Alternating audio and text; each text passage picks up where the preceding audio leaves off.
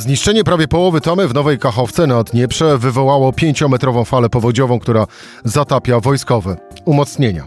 Ale potop po wysadzeniu tamy zalewa nie tylko Ukraińców. Czyżby Rosjanie chcieli dokonać tylko niewielkiej eksplozji, ale wyszło nie tak jak chcieli? I o tym wszystkim w rozmowie z Andrzejem Łomanowskim. Rzecz w tym, że taki był dzień. Cezary Szymanek, zapraszam na codzienny podcast Rzeczpospolitej. Szósty dzień czerwca, wtorek, Andrzej Łomanowski, dział zagraniczny Rzeczpospolita. Andrzej, dzień dobry. Dzień dobry. Sam zresztą piszesz na, w tekście na stronie rp.pl, że e, woda, która zaczęła zalewać tereny po wysadzeniu przez Rosjan tamy w Nowej Kachowce doprowadziła do tego, że rosyjscy żołnierze zaczęli uciekać na drzewa e, i stamtąd przez krótkofalówki wzywać pomoc. No tak, takie informacje nadeszły od wywiadu ukraińskiego z drugiego, wyższego brzegu e, Dniepru. E, widać wyraźnie, że rosyjscy żołnierze nie byli uprzedzeni o tym, co się może stać. I tu się zaczynają pojawiać pewne znaki zapytania. E, Tama została zniszczona od rosyjskiej strony, przy rosyjskim brzegu. Pytanie tylko w jaki sposób. E, pierwszym, najbardziej narzucającym, najbardziej narzucającą się odpowiedzią jest wysadzenie jej. Ona prawdopodobnie była zaminowana y, wcześniej. Tam się znajdowały jakieś ładunki wybuchowe, y, tak jak to Rosjanie robili poprzednio na mostach prowadzących y, nad Dnieprem. Pytanie tylko, dlaczego zostały odpalone? No i to odpowiedzi jest kilka. No to zacznijmy od tej pierwszej. E, Rosjanie chci, chcieli e, doprowadzić do niedużej, niedużego wybuchu, który by e, wygenerował jakąś niezbyt wielką falę powodziową, która jednak dałaby radę utopić ukraińskich żołnierzy, którzy powolutku, powolutku przesączają się na wschodni, okupowany brzeg rzeki. Mają tam już, mieli tam już kilka przyczółków, przepraszam, bo one znalazły się pod wodą, jak również y, zajmowali konsekwentnie mm, sieć wysp, wysepek znajdujących się na, na południe od Hersonia przy samym ujściu. E, i y, tylko, że y, y, jak to dawno temu był taki rosyjski premier Wiktor Czernomyrdyn i ono o tego rodzaju wysiłkach mówił chcieli jak лучше, получилось jak всегда. No chcieli jak najlepiej, a wyszło tak jak zwykle. E, I to jest ten pierwszy, pierwszy wariant tej, tej, tej e, powodów tej nieprawdopodobnej wręcz katastrofy. Drugi jest taki, że e, Rosjanie tak się bali ukraińskiej i boją ukraińskiej kontrofensywy, że wysadzili tę tamę ze strachu. Parę godzin wcześniej pojawiły się informacje o tym, że Ukraińcy znów się przeprawiają w jakimś miejscu tam przez rzekę. Doszło do nalotu ukraińskich samolotów, podobno jeden z nich został uszkodzony i być może któryś z dowódców spanikował i kazał wysadzać tamę, widząc już oczyma wyobraźni te stada leopardów e, e, niemieckich czołgów przeprawiających się przez rzekę. To, to jest jakby, to są te takie wyjaśnienia takie y, dotyczące samego y, działań człowieka, ale są też, pojawiły się też inne wyjaśnienia, ponieważ mm, po drugiej stronie, y, no, to znaczy tak, poziom wody w zbiorniku kachowskim był, który, który Tama właśnie oddziela od dolnego biegu Dniepru, był w ostatnim czasie najwyższy w ciągu kilku miesięcy. I teraz pytanie, jak to, dlaczego tak się stało? Być może Rosjanie gromadzili jakąś taką falkę powodziową właśnie po to, żeby podtopić Ukraińców, a być może dlatego, że po prostu nie potrafili obsługiwać swojej części tamy. Nie potrafili otworzyć śluz, które są przy dnie, żeby spuścić trochę wody i zmniejszyć nacisk na uszkodzoną już wcześniej przez nich samych tamę. I część analityków, ekspertów e, wojskowych e, zaczyna sugerować, że Tama się po prostu sama rozpadła na skutek uszkodzeń, których doznała od Rosjan w listopadzie, kiedy uciekali z, y, z zachodniego brzegu Dniepru i na skutek tego, że nie potrafili obsługiwać i spuścić odpowiedniej ilości wody, by zmniejszyć nacisk na, na, na nią. E, jakby nie było, jest to, to co się stało, jest przestępstwem wojennym, dość dokładnie opisanym w jednym z dodatków do konwencji genewskiej z 40. Pod, sama konwencja była podpisana w 1948 roku, ale ten dodatek jest z 70 bodajże 7. I tego przestępstwa wojennego dokonali Rosjanie. I to przestępstwo wojenne będzie miało wpływ na, ży na życie, bezpośredni wpływ na życie no tak, ja tu próbuję to w tej chwili podliczyć, gdzieś miliona osób, jeśli nie więcej. E, bo to będą trzy duże ośrodki miejskie: Nikopol, Krzywy Róg, Hersoń, kilkadziesiąt miejscowości położonych po obu stronach rzeki i być może jeszcze fala powodziowa wpłynie na e, sąsiednie e, dwie duże ukraińskie rzeki Inhulec i, i Boch. No to, to ze względu na specyfikę budowy ujścia wszystkich trzech, Dniepru, Inhulcu i Bochu. E, no w każdym razie katastrofa jest widowiskowa i nieprawdopodobna. Ja nie przypominam sobie tego rodzaju katastrofy w Europie. Nawet nie wiem, o, ja, ile dziesiątków lat temu poprzednio mogliśmy tutaj oglądać coś takiego.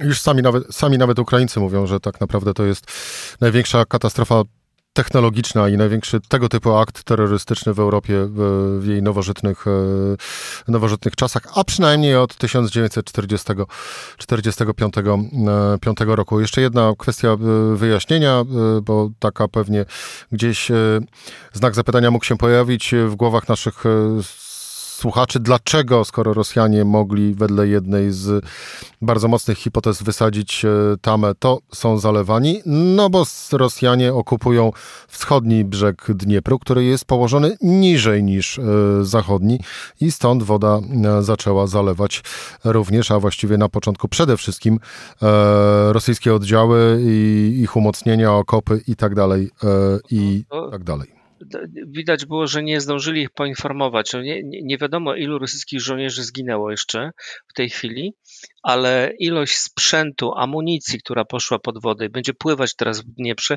jest nieprawdopodobna. Już w tej chwili władze ukraińskie wzywają wszystkich, by trzymali się jak najdalej od linii wody, dlatego że fala powodziowa wymyła rosyjskie miny, które stały u ich brzegu, bo w ten sposób próbowali się bronić przed desantami ukraińskimi i te miny w tej chwili płyną y, lub już dopłynęły do Hersonia. Za chwilę wypłyną na, na otwarte morze, jeżeli wcześniej nie zdetonują albo nie utkną gdzieś tam przy brzegu. To, to naprawdę jest nie, katastrofa nie do opisania. No i tak naprawdę będziemy o jej skutkach e, właściwie e, każdego e, dnia informowani, bo każdego dnia będą pojawiały się kolejne wydarzenia związane z tym właśnie faktem, czyli wysadzeniem, wysadzeniem tamy. Andrzej, czy, no właśnie, czy to wydarzenie, mm, i teraz odwołuję się również do, to była druga w kolejności hipoteza, e, czy to wydarzenie faktycznie spowoduje wstrzymanie e, ukraińskiej kontrofensywy? To znaczy, to znaczy, my nie wiemy, gdzie ta kontrofensywa miała się, w którym miejscu frontu miała, do, mie, mieli Ukraińcy uderzyć. E, e, można podejrzewać, że raczej nie przez Dniepr, bo on sam w sobie jest dosyć solidną przeszkodą wodną, e, a w tej chwili po, po, po, po tej powodzi to w ogóle jest niewyobrażalne, bo on się tam zwiększył 4-5 razy. Oprócz tego woda wylała się na wschodni brzeg daleko, tam na 10-15 kilometrów, zamieniając te pola, takie łąki w ogromne trzęsawiska. To jest nie, na razie na, na, dłuższą chwilę Dniepr jest nie do sforsowania. Tam jeszcze przez, w rzece tkwiły e, e, mosty uszkodzone przez Rosjan e, w czasie odwrotu listopadowego spod Hersonia, no ale teraz ta fala powodziowa się tak pewnie uszkodziła, że nie, nie, da, nie nadają się do niczego. No ale pytanie, czy Ukraińcy by na pewno chcieli atakować przez Dniepr? No nic o tym nie wiadomo. Nie, nie, nie przesączyły się absolutnie żadne żadne informacje o tym, by, y, by tam koncentrowali jakiekolwiek oddziały. To, że mm, mm, aktywnie byli w forsowaniu rzeki, atakowaniu y, y, posterunków rosyjskich, uchwytywaniu przyczółków, no to mam wrażenie, po to, by odwrócić uwagę Rosjan od właściwego kierunku natarcia, no ale zdaje się, że wyszło im to za dobrze i, i to odwracanie uwagi. Raczej wszyscy stawiają na to, że natarcie będzie pójdzie gdzieś w stepowych okolicach między Dnieprem a Donieckiem, gdzie ten pancerna pięść, którą zgromadzi, zgromadziła armia ukraińska, będzie mogła rozwinąć swoje mm, wszystkie możliwości, pokazać na co, co potrafi to ra, raczej nie przez Dniepr.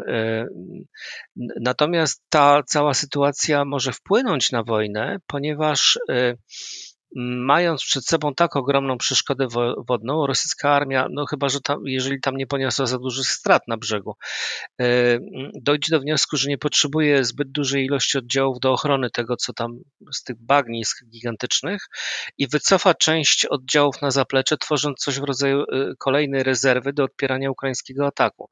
No to wtedy tak, ta cała powódź będzie miała jakiś wpływ na, na przebieg wojny, ale wpływ raczej taki powiedziałbym, e, e, nieprzewidziany przez autorów tego wszystkiego.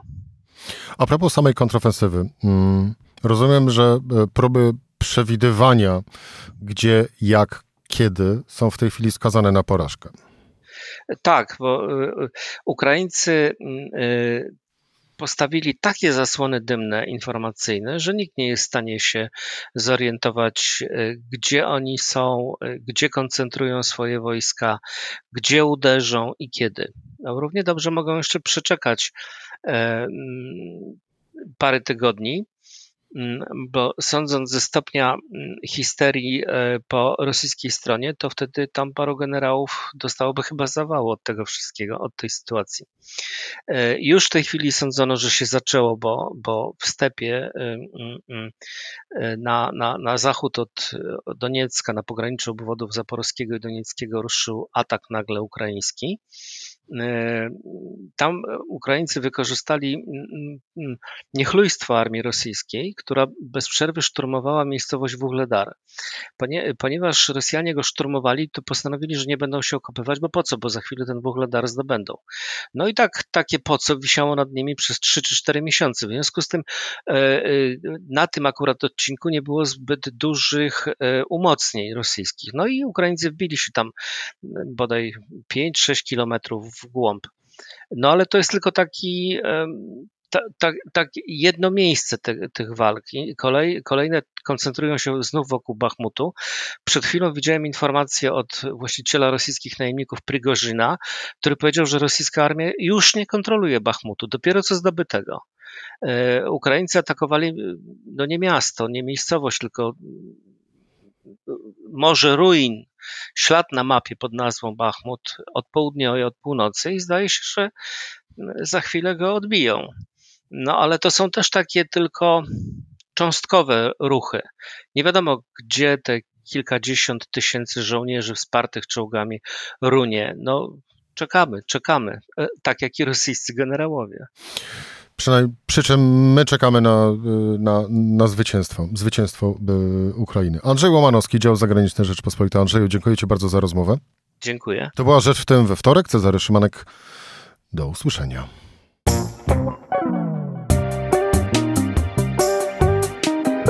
Rzecz w tym to codzienny program Rzeczpospolitej. Od poniedziałku do czwartku o godzinie 17.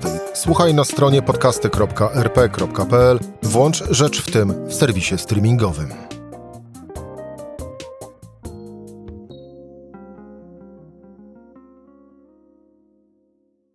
Poznaj mocne strony Rzeczpospolitej. Wejdź na prenumerata rp.pl. Polecam. Bogusław Rabota, redaktor naczelny.